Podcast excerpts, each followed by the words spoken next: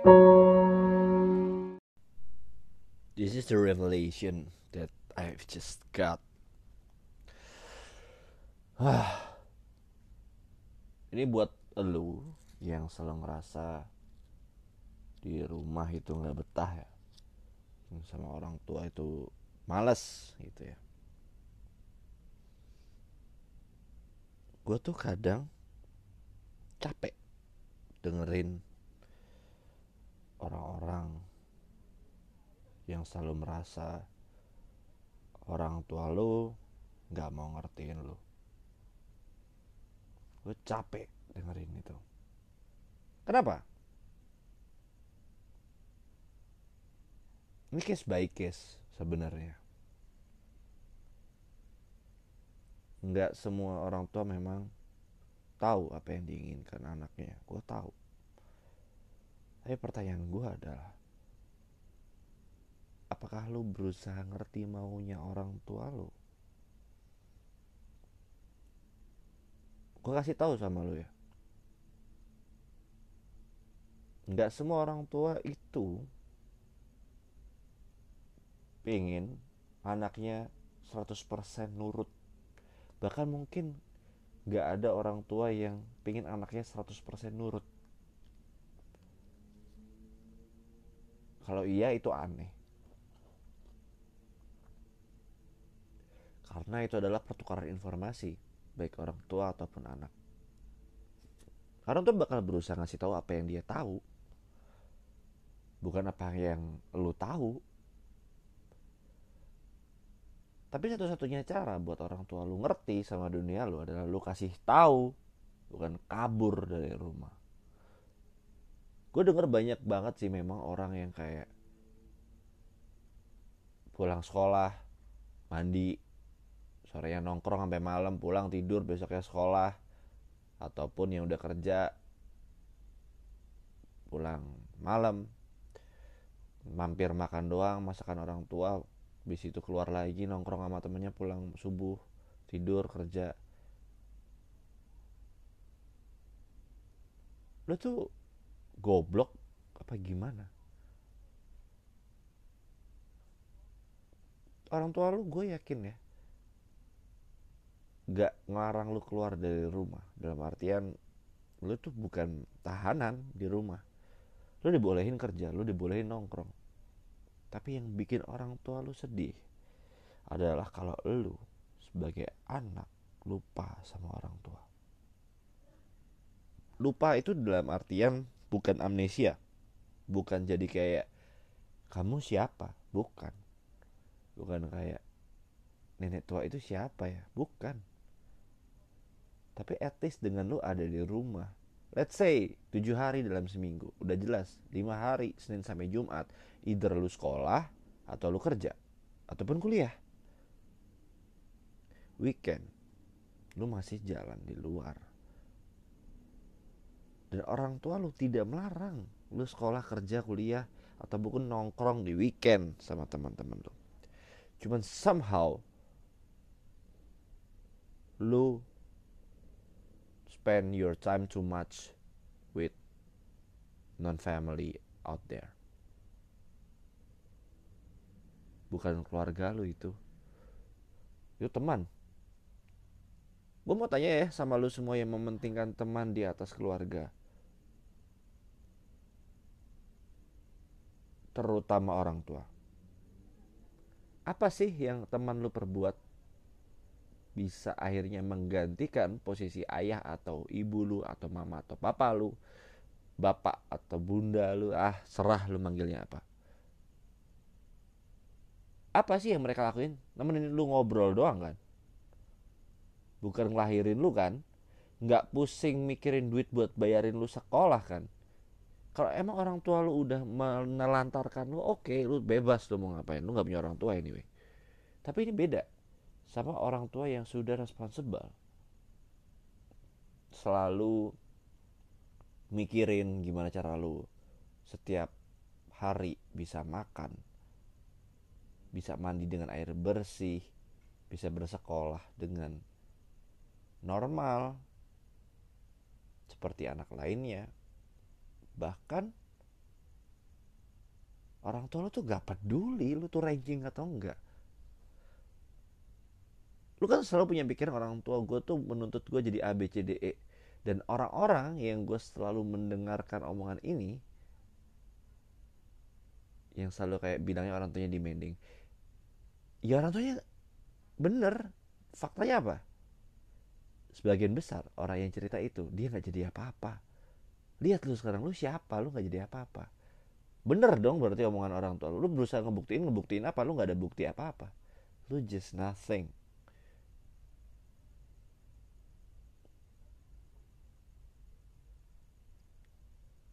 Gua agak susah buat mengerti itu.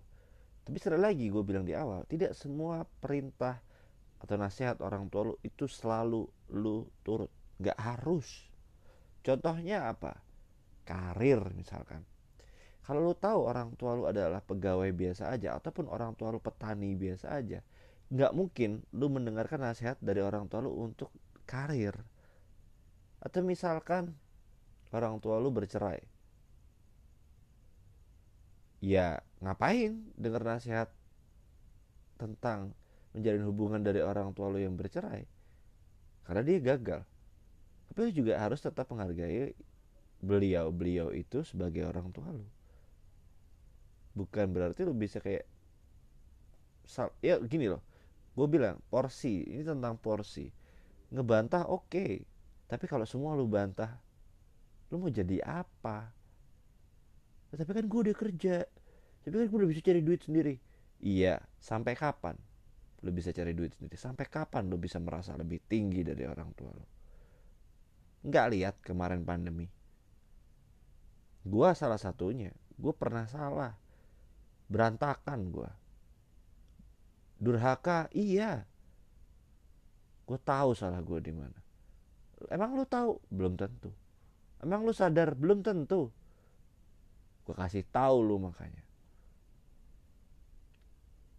Misal orang tua lu susah-susah nguliahin lu di bidang yang ternyata lu tidak inginkan. Kasarnya bahasa keren ya.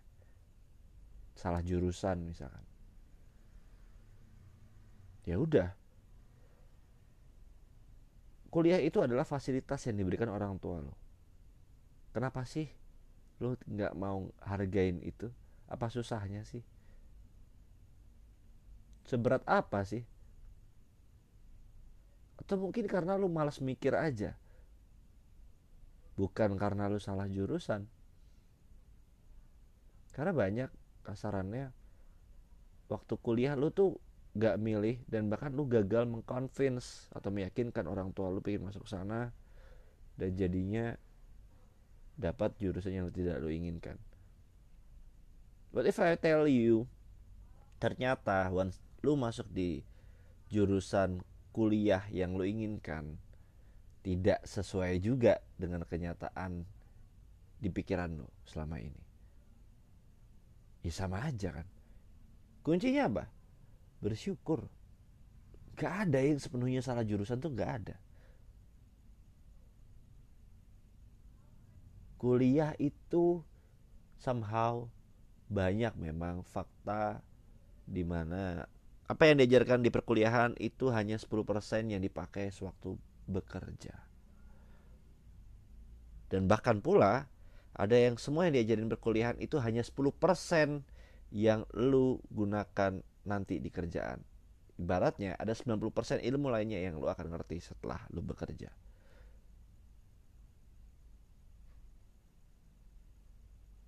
terus lu masih menistakan fasilitas yang dikasih orang tua lu kuliah itu mahal zaman sekarang apalagi bukan berarti lu setelah lu lulus juga bisa lu lepas dari orang tua lu nggak bisa. Blood is thicker than anything. Hubungan darah itu lebih kuat dari apa pun. That's why kalau tahu misalkan ada yang bapaknya penjahat anaknya juga penjahat.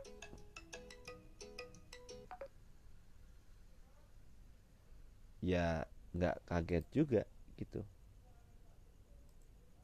karena ya biasa aja.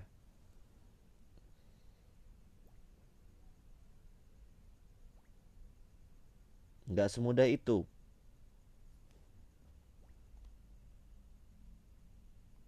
Nggak semudah yang lu pikirin dalam mendidik anak. Kalau denger semua hal yang ada tentang parenting either lewat podcast lewat Instagram. Gue kasih tahu ya sama lu ya. Bullshit itu semua. Bullshit. Kenapa? Parenting itu nggak ada ilmunya. Parenting itu adalah ilmu trial and error. Gak ada yang 100% works. Nggak ada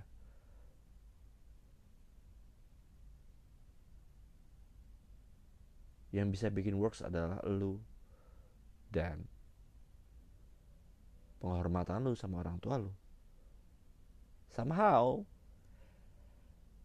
lu pasti pernah di fase sehebat apa pun lu setinggi apa pun jabatan lu sewaktu kerja. Tapi lu lupa orang tua. Lu gak dapat kepuasan itu. Lu pernah mungkin merasa kayak gitu. Ataupun lu juga nggak pernah. Tapi gue pernah. Menomor sekian kan orang tua. Tapi omongan gue tadi ya yang jelas only valid buat orang tua yang bertanggung jawab. Bukan orang tua yang ngewe doang waktu sudah lu lahir ya lu nggak peduli. Bukan itu. Bukan orang tua yang kayak gitu yang gue maksud. Regardless kesalahan orang tua lu itu bukan urusan lu.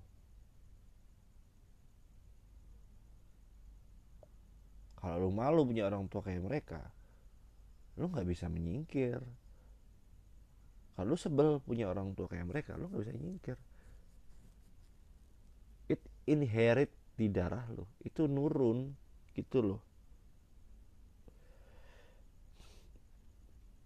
gue kadang capek ya ngeliat orang yang kayak lu pasti nggak cocok ya sama ya. Kecuali oke okay, gue pernah juga dengar kasus-kasus yang agak beda.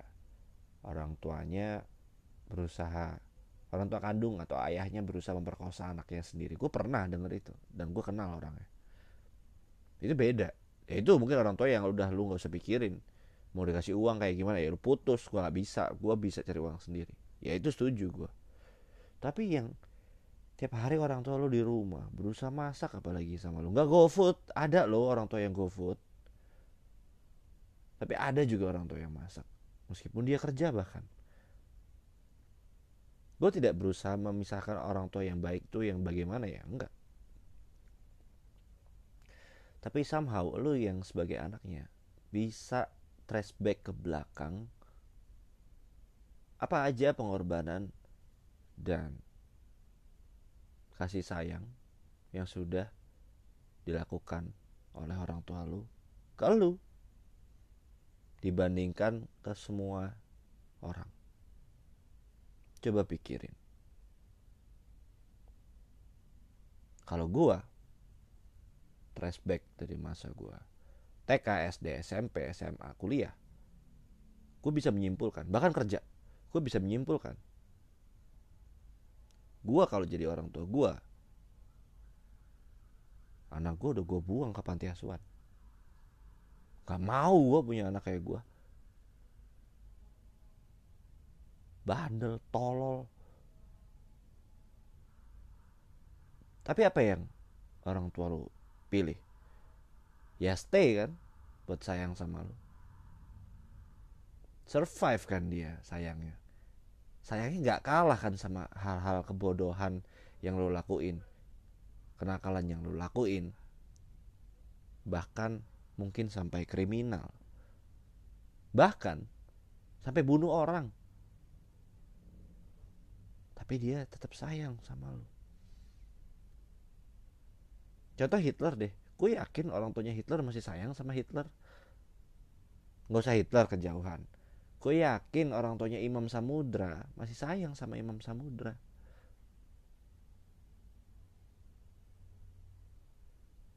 Gue juga yakin orang tuanya Freddy Budiman masih sayang sama Freddy Budiman. Regardless anaknya bagaimana. Nah kayak kan ada yang pernah bilang kok kasih ibu sepanjang masa. Ini terutama ibu juga. Kalau ayah itu kan tugasnya mencari nafkah. Bahkan ayah itu tidak punya tanggung jawab moral untuk mengasihi sebesar ibu. Kecuali memang sosok ibunya nggak ada.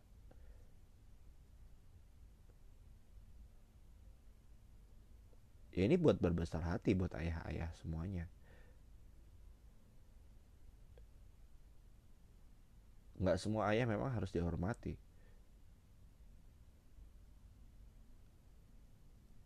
Karena memang faktanya yang lebih secara interpersonal adalah ibu. Tapi itu semua terserah lo ketika lo bisa menghargai seorang ayah karena tanggung jawab moral dia untuk mencari nafkah lu adalah hebat. Lu ngerti berarti role sebagai orang tua. Tapi faktanya kan memang tidak semudah itu buat mengapresiasi kinerja seseorang. Apalagi kinerja yang quote unquote bukan profesional itu personal. Dia sebagai ayah lu dia sebagai bapak lu.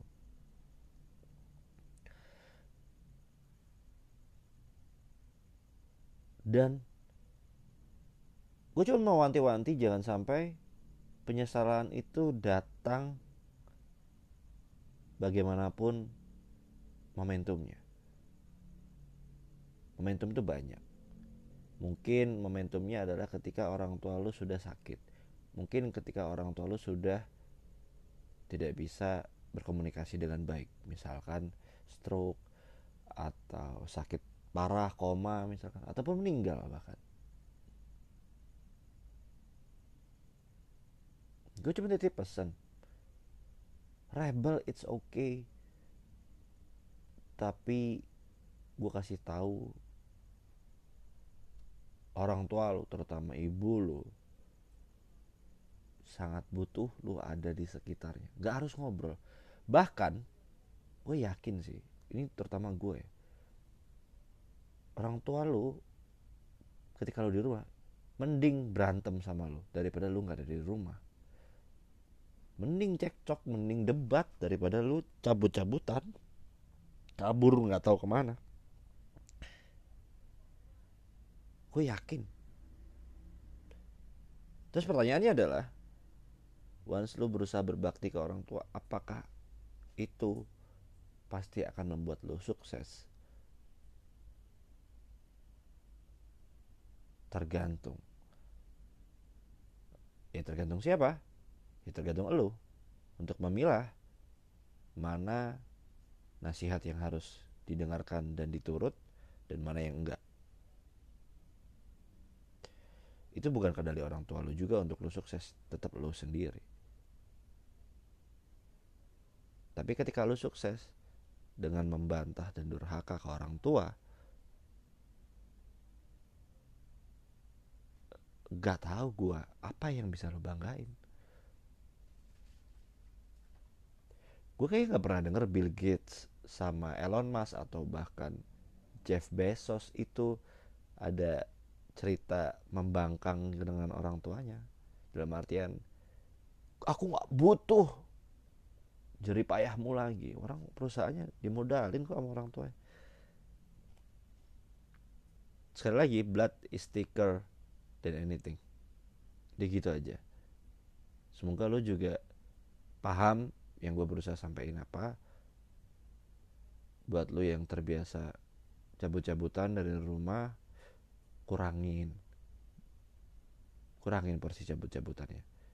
Kenapa one day lo akan tahu teman lo circle lo itu hampir sebagian besar nggak ada gunanya di hidup lo nggak ada. Apakah ada teman yang akan membantu? Ada. Gue kasih tahu persentasenya satu banding seribu ibarat lu kata, kata punya teman berapa tuh? 500 yang bantu lu cuma dua. Dan mungkin bukan sahabat lu. Gue kasih tahu aja nih. Kenapa? Biar lu nggak nyesel one day. That's the reason why gue tidak merasa butuh teman yang banyak. Gak butuh. Kalau lu mau berteman sama gue silahkan. Buat apa gue harus berteman dengan banyak orang. Buat apa? Relasi itu bukan teman loh relasi itu kenalan. Relasi itu oke okay, tapi bukan jadi sahabat gitu loh. Karena balik lagi ya pertemanan is pertemanan. Pasti harus benefit harus ada mutual. Kalau enggak ya buat apa? Itu aja sih dari gue ya. Semoga lu paham ya. Stop mengabaikan orang tua lo dan buat teman-teman yang masih kuliah mungkin yang cuman nge WhatsApp bapaknya atau ibunya cuman buat minta uang please jangan goblok sebelum orang tua lo meninggal. Dan mungkin lo besoknya udah nggak kuliah lagi. Gembel. Bye bye semuanya. Stay safe